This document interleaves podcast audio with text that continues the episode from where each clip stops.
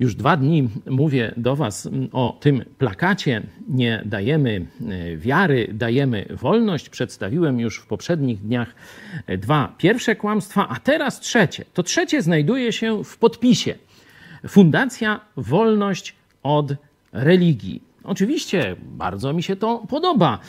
Wolność od religii. Religia to, jest, to są wymysły ludzi na temat Boga, i ja jestem też za tym, żeby uwalniać ludzi od religii. Ale jak? Czy przez ateizm lub agnostycyzm?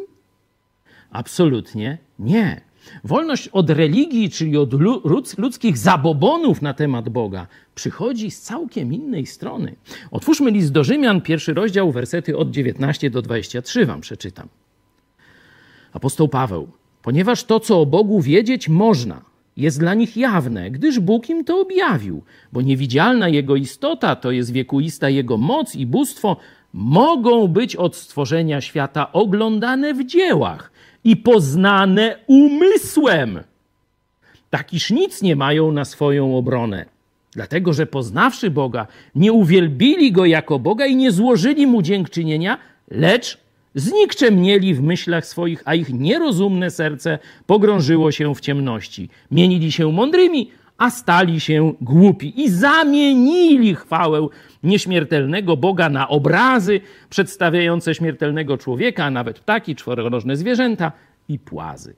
Inaczej mówiąc, jeśli nie czcisz prawdziwego Boga, będziesz czcił jakieś bałwany, czy to w postaci bóstw, czy też w postaci na przykład pieniędzy, sławy, czy czegoś tam innego.